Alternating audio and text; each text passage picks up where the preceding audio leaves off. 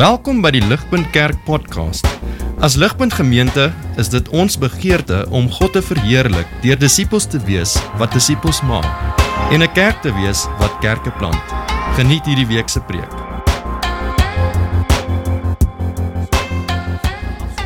uh, Madeline se storie. Madeline se storie. Um, ons vind Madeline se storie in Oliver Sacks se se boek. Hy's 'n neuroloog en hy het 'n bestseller geskryf, The Man Who Mistook His Wife for a Hat. Okay, as hy skoen pas. As hy skoen pas, okay? Nee, dis nie wat julle dink nie. Hy skryf stories oor sy pasiënte. Hy's hy's 'n neuroloog. En hy skryf stories oor hoe sy pasiënte cope met hulle handicaps, hulle gebreke.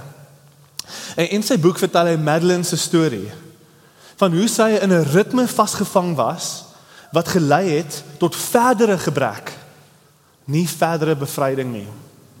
So so Madeline kom by Dr. Sachs aan en sy 60 jaar op daai stadium, sy was blind gebore uh, met cerebral palsy. So dis 'n uh, verswakte spierkoördinasie um, van geboorte af, onder andere.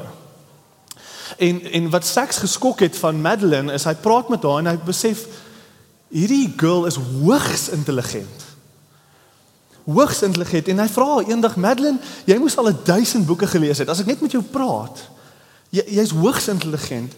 Jou jou braille, jou jou jou lees met jou hande moet uitstekend wees. Hoe het jy soveel inligting opgegaar? Sy sê vir hom, uh, "Dokter, ek het ek het nog nooit met my hande gelees nie. Alles wat ek al gelees het, was vir my hardop gelees. My hande is useless. Ek kan nie braille lees nie. Ek kan niks met my hande doen nie." Op op presiese woorde in sy boek was, "They are my hands are useless clumps of dough." Sachs was geskok want hy het dadelik opgelet dat daar behoort nie eintlik iets fout te wees met haar hande nie. Haar hande is nie so geaffekteer soos wat sy dink hulle is nie. En, en sy sy vrees was dat alhoewel haar hande nie gewerk het nie, was bloot omdat sy hulle nooit gebruik het nie. Haar hande het nie gewerk nie omdat almal om haar die aanname gemaak het dat hulle haar hande vir haar moet wees. So hy begin toe met 'n toets. Hy vat 'n klein eksperiment. Hy sê. Okay, hy vra toe vir al die verpleegsters om haar kos vir haar te ver van haar af te sit. En om haar baie stadig te voer, so bietjie lomp, mors bietjie op haar, oor en oor. Maak baie foute om haar. Als per ongeluk. En so week gaan verby en die verpleegsters doen wat die dokter gesê het en uit pure frustrasie uit gryp Madeline blind met haar swak hande haar bordkos en sukkel sukkel begin sy haarself te voer want sy is woedend. Ek, 'n blinde vrou kan dit verseker beter doen as hierdie useless verpleegsters. OK? En dis nie na 'n dag of twee nie wat sy self daar sit geskok. Geskok is sy oor hoe goed haar hande eintlik werk. Die eksperiment was 'n reuse sukses. Die bal is toe aan die rol. Die dokter ontmoet met haar, bemoedig haar aan op op die ouderdom op die ouderdom van 60 jaar oud. Vir die eerste keer begin dit voel vir Madeline asof sy kan lewe. Sy het haar hande terug. Sy sy begin toe met kleiwerk. Sy begin met kleiwerk en binne 'n jaar word Madeline bekend gestaan as die the blind sculptor vir haar uitstekende kunswerk. Sy het haar hande ontdek. Dr. Sachs verduidelik die probleem was dat vir haar hele lewe het almal alles vir haar gedoen. Vir 60 jaar van haar lewe het sy gelewe asof sy nie hande het nie. Vir 60 jaar. En en natuurlik het haar haar gebrek teruggehou, maar die punt wat Dr. Sachs maak is nee nee. Dit was die idee, die gedagte, die leuen dat sy nie hande het nie. Dit was wat haar werklik teruggehou het. En so hier is die parallel vir ons vanoggend. Die parallel vir ons as Christene vandag, dis dis kragtig. Vanoggend gaan ons sien hoe Lukas ons aanmoedig tot gebed toe. 'n Gebed met 'n kinderhart. Gebed met 'n kinderhart, maar die hoogtepunt van waarna toe Lukas ons wil lei is om te bid vir die gees van God. Vir geesvervulling, bid vir dit. Vers 13, kyk op julle blaadjies. How much more will your heavenly Father give you the Holy Spirit to those who ask him? Ek glo die woord vanoggend die die woord van God vanoggend wil vir ons wys dat ons moet bid vir die Gees, ons moet vra soos kinders want die probleem is as Christene vandag is dat ons baie soos Madeline is. Ons probeer sonder die krag van die Gees ons geloof uitleef. En dis soos om deur die lewe te gaan sonder hande. Die gees van God is soos geestelike hande en sonder hom gaan ons vreeslik sukkel. Hoekom is soveel Christene vandag moeg? Leeg. Magteloos, frustreerd. Want dis hoe jy voel sonder jou hande, sonder sonder 'n werklike uh, gereelde geestelike staatmaking in ons lewens is is dit die dis die gevolg. So ek wil ek wil hierdie vir ons verder uitpak. Uh deur deur na drie punte te kyk soos wat ons deur hierdie hierdie teks werk. Oef. Ehm um, soos wat ons deur hierdie teks werk. Uh en so kyk saam maar hierdie is die drie punte. Uh, ek het dit vir julle opgesit want dis dis bietjie bietjie complicated. So die eerste ding waarna ons gaan kyk is die prioriteit van gebed vir die Gees. Die tweede ding waarna ons wil kyk is die kinderhart in gebed vir die Gees. En derdens die gebed, die gebed vir vervulling van die Gees. En ek sit vir die Gees aan die einde van elke punt want alhoewel vandag gaan gaan oor gebed is Lukas se hart om ons te lei om te bid vir die Gees. So kom ons spring in die eerste punt hierso. Die prioriteit van gebed vir die Gees. So in voorbereiding vir gebed voor Jesus sy disippels leer oor gebed, skryf Lukas vir ons, hy pen hierdie hierdie verhaal oor Maria en Martha. En hy doen dit baie doelbewus. Hy doen dit baie doelbewus. Want hy hy wil ons die prioriteit van gebed leer deur hierdie twee sissies se storie. En so ons vind vir Martha en Maria, die sissies. En ek weet nie of julle dit sien nie, maar ek neem dadelik aan Martha as die ouer sissie. Okay? Eerste geborene vat al die verantwoordelikheid op haarself, né? Nee? Sy sy sy voel soos die ouer sissie, die jonger een, happy go lucky kan nie minder omgee nie. Ek wil net by Jesus sit. Okay? Martha en Maria maak hulle huis oop vir Jesus en en hulle is hulle moet gasvrouens wees. Hulle moet en natuurlik as jy jou huis as jy, as jy gasheer is, baie goedjies doen. As jy 'n goeie gasvryheid wil uitlewe, moet jy baie goed te doen. Martha vat alles op haarself en Maria sit net en luister vir Jesus. Martha raak kwaad. Haar jonger sussie sit net daar terwyl sy alles doen Sy kry die water reg sodat hulle voete kan was na 'n lang dag. Dan hardloop sy en sy dek die tafel. Dan moet sy die brood gaan sny. Dan moet sy vir Petrus wys waar die badkamer is. Dan moet sy die olyfolie uithaal want dit is op. En so gaan sy aan en aan. Moeg en frustreerd sê Martha, Jesus, Lord, don't you care that my sister, ek kyk na vers 40. Uh, don't you care that my sister has left me to do all the work by myself? Tell her to help me. Jesus se woorde is kragtig en hy gaan dadelik stadiger. Ek weet nie dit sien nie. Hy gaan stadiger. Hy sê aan hom twee keer. Hy praat skielik met erns met haar. Hy gaan stadiger. Hy sê Martha, Martha. Dis dis dis dis 'n 'n desperaatheid in in Jesus se woorde dat dat Martha regtig moet hoor wat hy vir haar wil sê. Hy probeer haar lewe stadiger maak in die angs en besig wees Hy probeer sê Martha, Martha, word net vir my rustig. Hoor asseblief wat ek nou vir jou gaan sê. You are worried, vers 41 en 42. You are worried about many things. But few things are needed. Mary has chosen what is better and it will not be taken away from her. Ligpunt as As hierdie woorde nodig was in Jesus se dag, dan is dit brood nodig vandag. Ons is 'n kultuur van Martas. Ons is 'n kultuur wat gekarakteriseer word deur hierdie woorde van Jesus. Angstige generasie, frustreerd en ontstel oor baie dinge. Altyd. Ons raak frustreerd met met stil sit. Ons het tyd vir alles behalwe stilte. Ons het tyd vir alles behalwe vir tyd met Jesus. In ons harte en in ons koppe glo ons presies die teenoorgestelde as wat Jesus hier vir Martha sê. Presies die teenoorgestelde. Few things are needed, sê Jesus. Nee nee nee, ons sê many things are needed. Ons glo dit. Jesus wil ons hier leer en vir sy disippels hier leer dat die vyand tot gebed die vyand tot gebed is besig wees. Een van die grootste vyande tot gebed is besig wees. Agter besig wees lê die vyand van ons eie trots. Wat glo ons kan genoeg goed doen. Ons kan hard genoeg werk. Hard genoeg alles onder beheer kry sodat ons daar in ons eie hande ons vrede kan vind. Dis wat ons glo. En in die midde van al daai die belangrikheid van ons eie hande vergeet ons om by Jesus te gaan sit. Kyk, ek verstaan dinge moet moet gedoen word. Ek ek verstaan. Ek is self baie sleg met hierdie. Ek voel die die druk van God se woord. Ek ek voel self die gejaag van ons kultuur, veral in die stadslewe. Ek voel dit.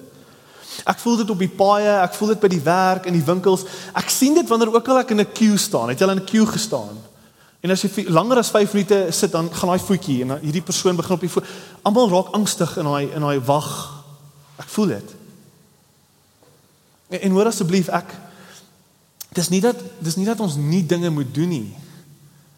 Dis die prioriteit van daai dinge. Dis die prioriteit van gebed in hierdie lewe wat ons lewe. Hoor wat sê Jesus weer? Few things are needed, indeed only one. Mary has chosen what is better. Dis dis dis 'n kwessie van prioriteite. Wat wat Maria gekies het, dis dis beter, bedoelende stilte by Jesus. Gebed, sy woorde om te ontvang by hom, om om om te wees by hom, ons verhouding met hom. Dit moet altyd belangriker wees as die versoeking om 'n gejaagde lewe te wil lewe. Ware vrede lê nie in jou besige hande nie. Dit sit by sy voete. Ware vrede lê nie in ons besige hande nie. Dit lê by Jesus se voete.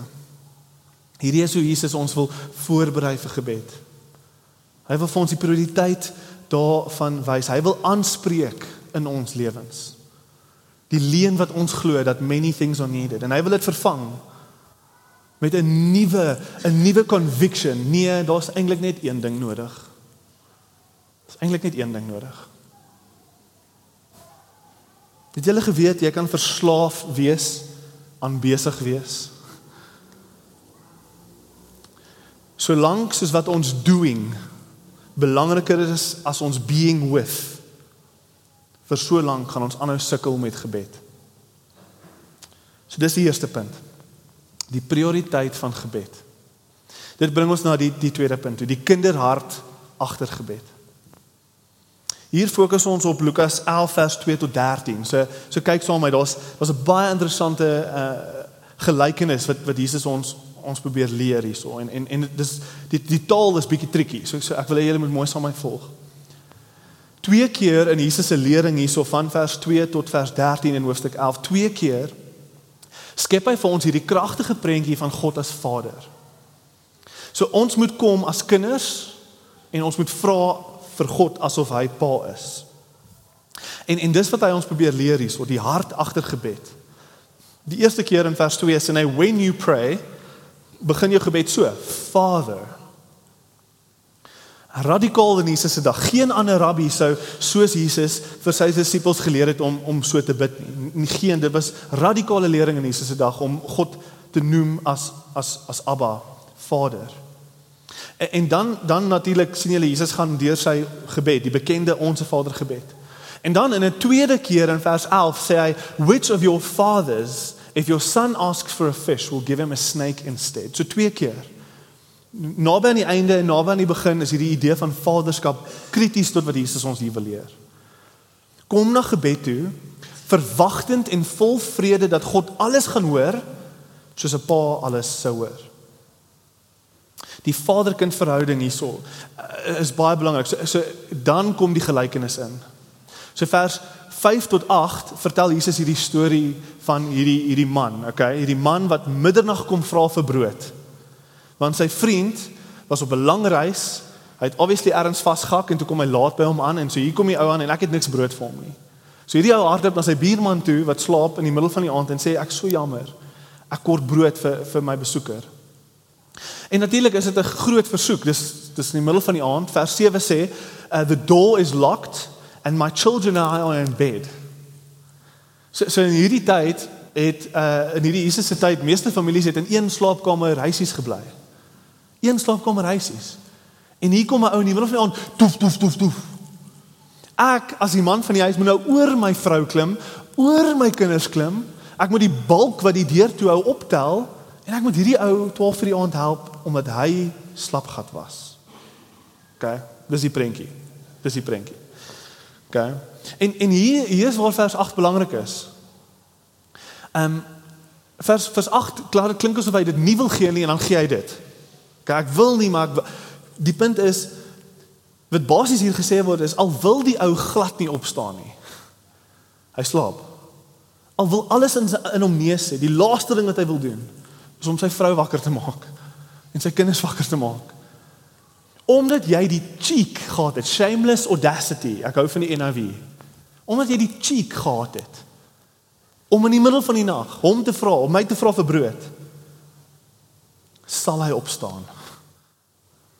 So mislik soos wat 'n mens mislik kan wees. Hy sal opstaan om vir jou 'n stukkie brood te gee. Dis die punt. En Jesus trek al die touwtjies bymekaar in vers 9. Hy sê, "So I say to you." Dis Jesus wat basies sê die hier's die punt van die storie. "So I say to you, therefore, hier's die punt. Ask and it will be given." Vers 11. 'n Vader sal nooit vir jou 'n slang gee as jy hom vir 'n visie vra nie. Die punt is as 'n mislike mens sal antwoord onder sulke omstandighede. Hoeveel te meer nie die Here nie.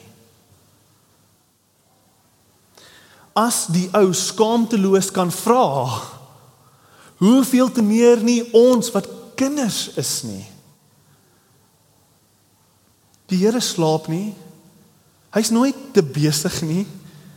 Hy hoef nooit iets neer te sit sodat hy vir jou kan luister nie. Die deur is nooit gesluit sodat hy hom eers moet oopmaak vir jou nie. Nee. Jesus wys ons hier die radikale hart van God die Vader wat altyd reg is vir jou.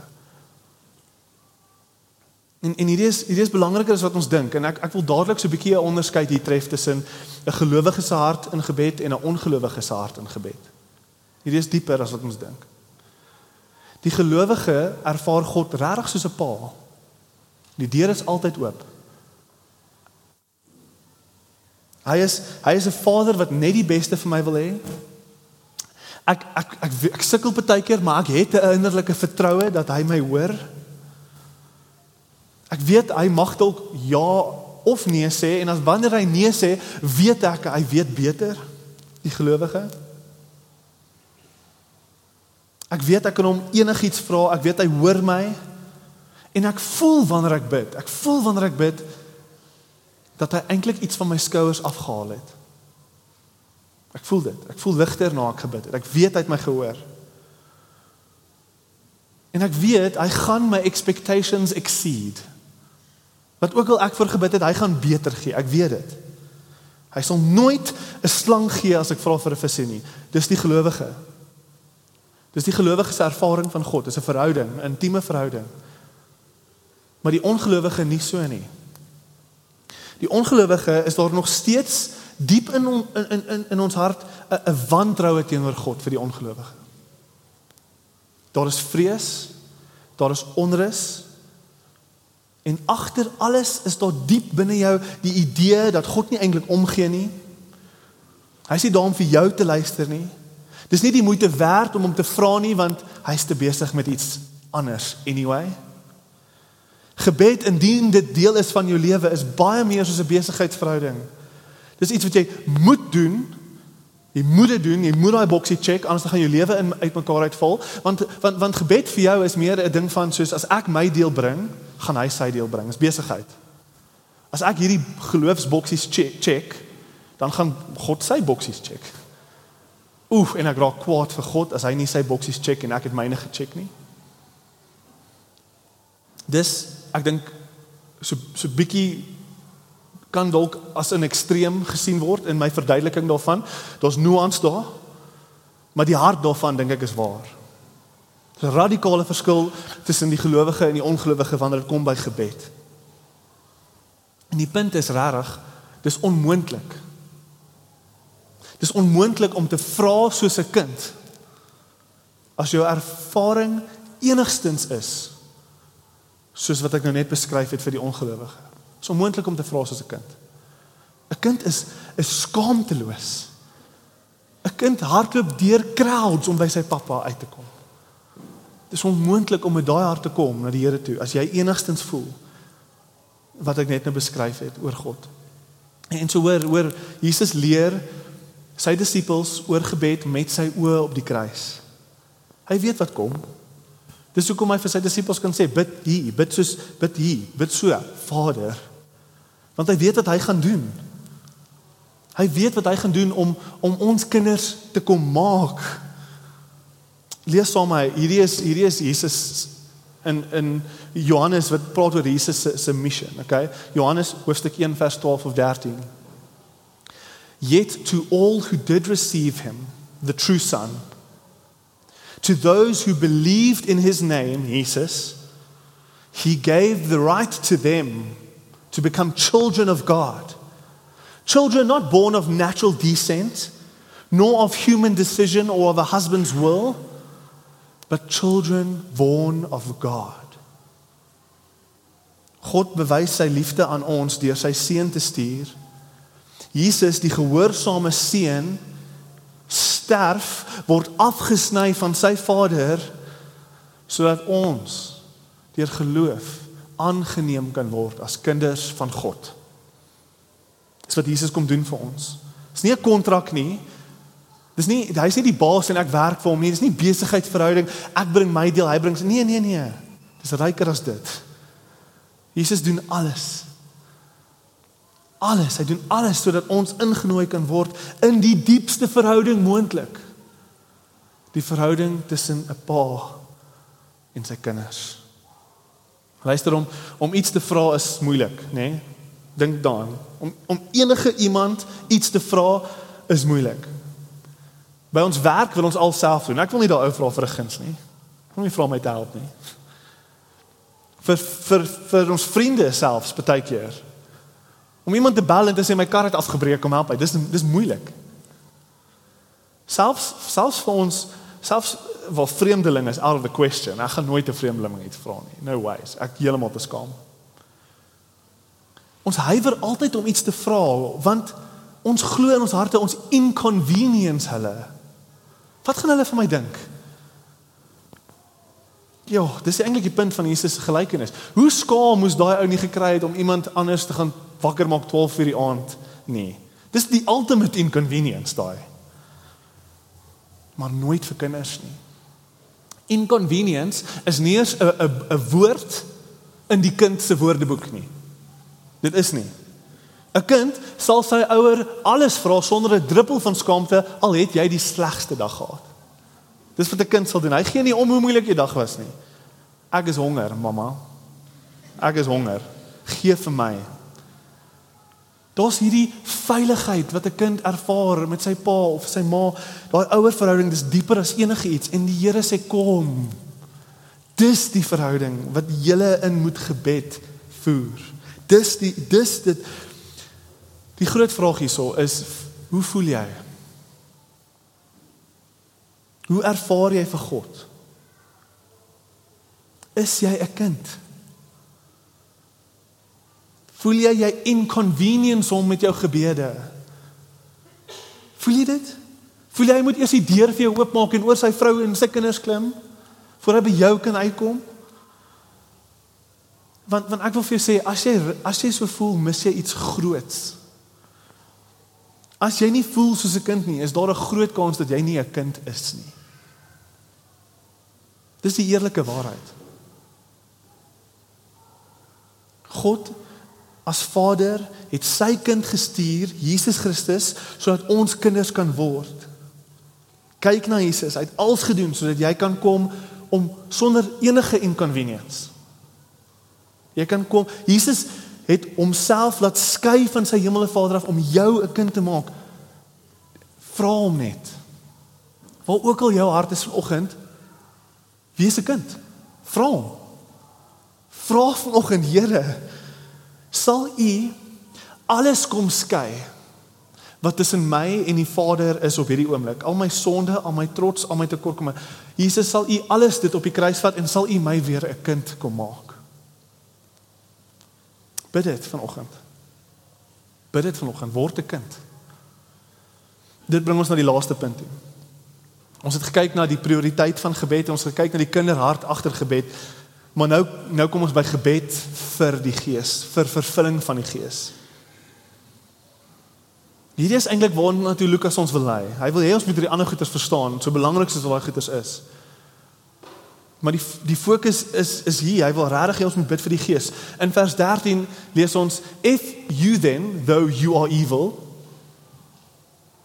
know how to give good gifts to your children how much more will your heavenly father give the holy spirit to those who ask him. So Lukas skryf sy evangelie hierdie boek wat ons nou uitwerk die boek van Lukas. Hy skryf dit as een groot lang boek saam met Handelinge.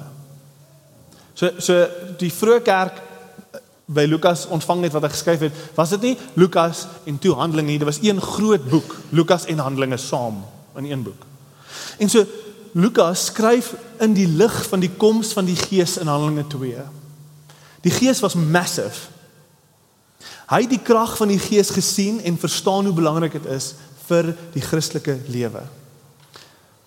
En en en natuurlik hy gee vir ons die onsse Vader gebed want natuurlik bid ons nie net vir die gees nie ons moet bid vir ons fisiese behoeftes bid en vra wat ook al jou behoeftes is gebed is deel van hierdie kyk dat die onsse Vader. Bid vir jou fisiese behoeftes behoeftes. Natuurlik gaan God sorg vir jou.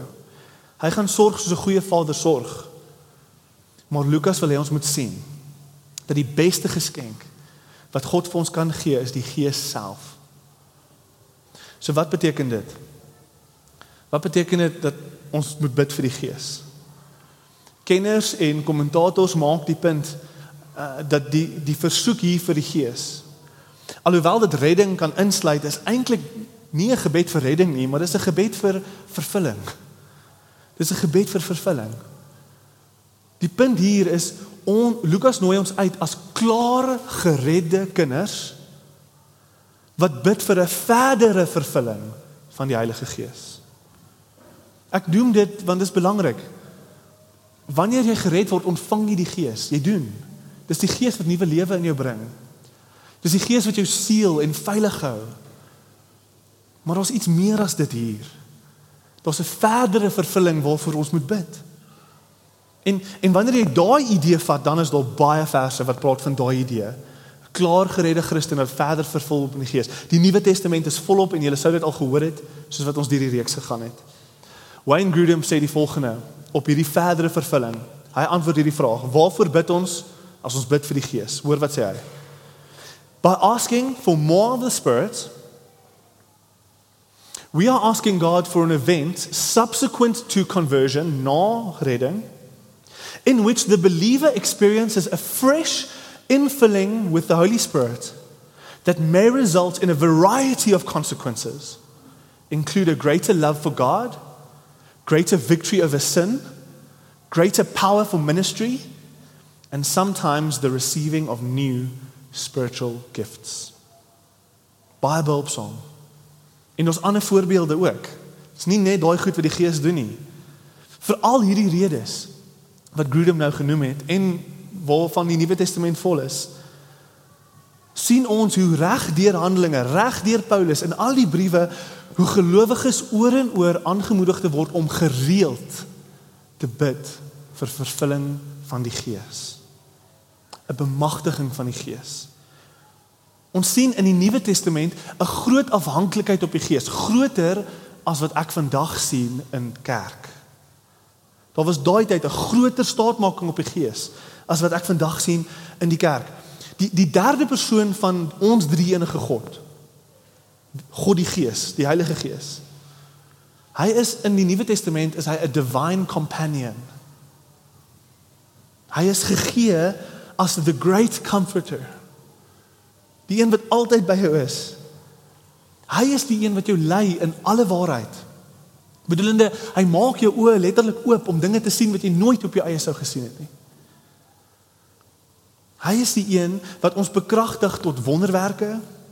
Hy is die een wat vir jou sê gaan praat nou met daai persoon, gaan bid nou vir daai persoon. Vra net vir hom is daai persoon oukei. Okay? Hy is die persoon, die Heilige God, die Heilige Gees. Wat vir jou woorde gee wanneer jy nie weet wat om vir iemand te sê nie. Hy is die een om dit als op te som wat jou geloofslewe aktief en lewendig maak. Dis God die Gees. En om 'n Christen te wees wat nie bid nie, dis soos om 'n verlamde Christen te wees. Okay, dis een ding. Verlam heeltemal, kop tot toon. Maar verder as dit, wil ek die punt maak wat ek vroeër gemaak het in die begin. Om 'n Christen te wees wat nie afhanklik is van die Gees nie en om nie gereeld te bid vir die Gees nie, dis soos om 'n Christen te wees sonder hande. Dis soos dis soos Madeline. Dis soos om 60 jaar deur die deur die deur die, die, die lewe te gaan sonder om werklik te besef wat jy van in staat is tot. Daar's 'n wêreld oop voor jou wat jy kan bereik. Daar's 'n krag in jou wat jy nie eens begin om te verstaan nie. Jy kan die blinde kunstenaar word. Maar jy maak nie staat op jou hande nie. Jy maak nie staat op jou hande nie. Dis dis waar ek glo ons is as moderne Christene. Ons besef nie die krag wat in ons lewe nie.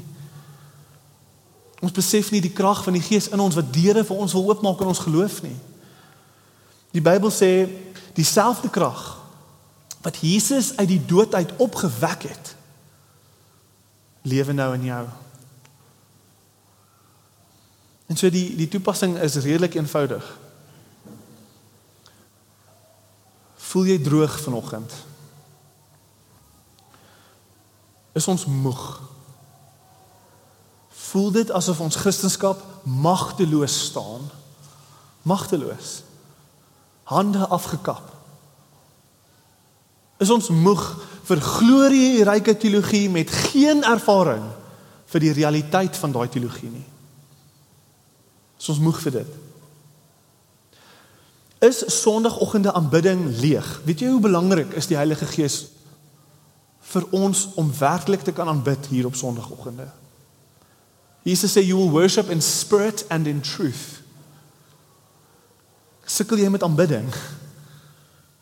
Kom jy laat by die diens aan want jy wil die musiek mis? Dit gaan selfs so ver as 'n gebrek aan dankbaarheid teenoor God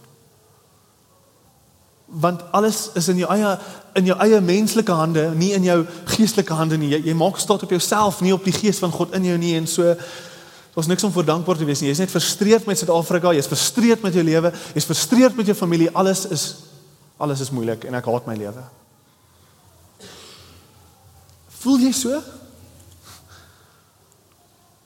Smag jy na 'n lewendige geloof met meer vrugte, beide interne vrug van die gees maar ook uiterlike vrug wat vir jou moed gee en vreugde gee om te kan praat met Jesus vir jou verlore vriende en familie. Smag jy vir boldness sodat jy met daai persoon kan praat wat verlore is wat jy altyd vermy by die werk. Boldness. Smag jy vir oorwinning van jou sondes. Dis hoe breed die aktiwiteit van die Gees strek. Dis hoe breed dit is.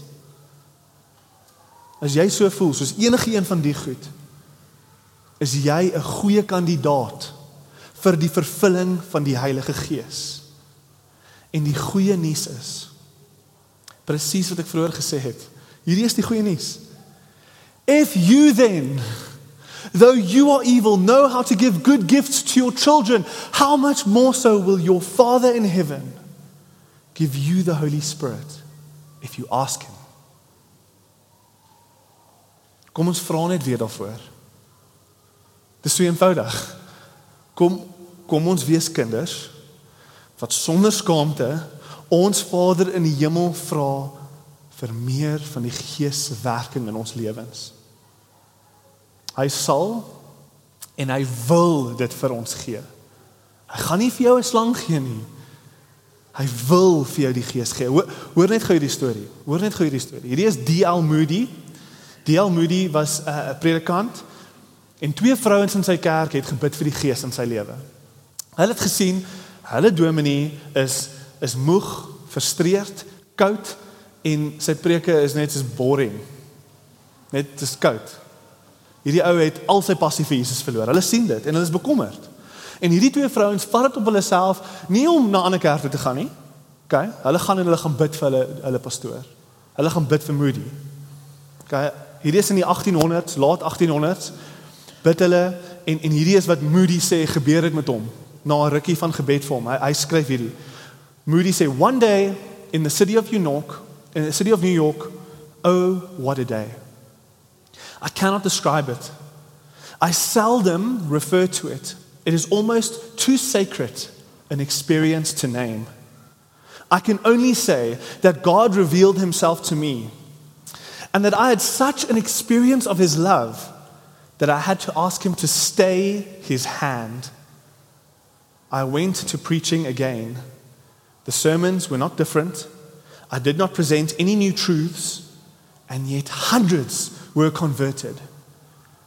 I would not now be placed back where I was before that blessed experience if you should give me all the world. It would be small dust in the balance. Dis wat die gees van God kan kom doen. As ons soekend bid vir vervulling van die gees.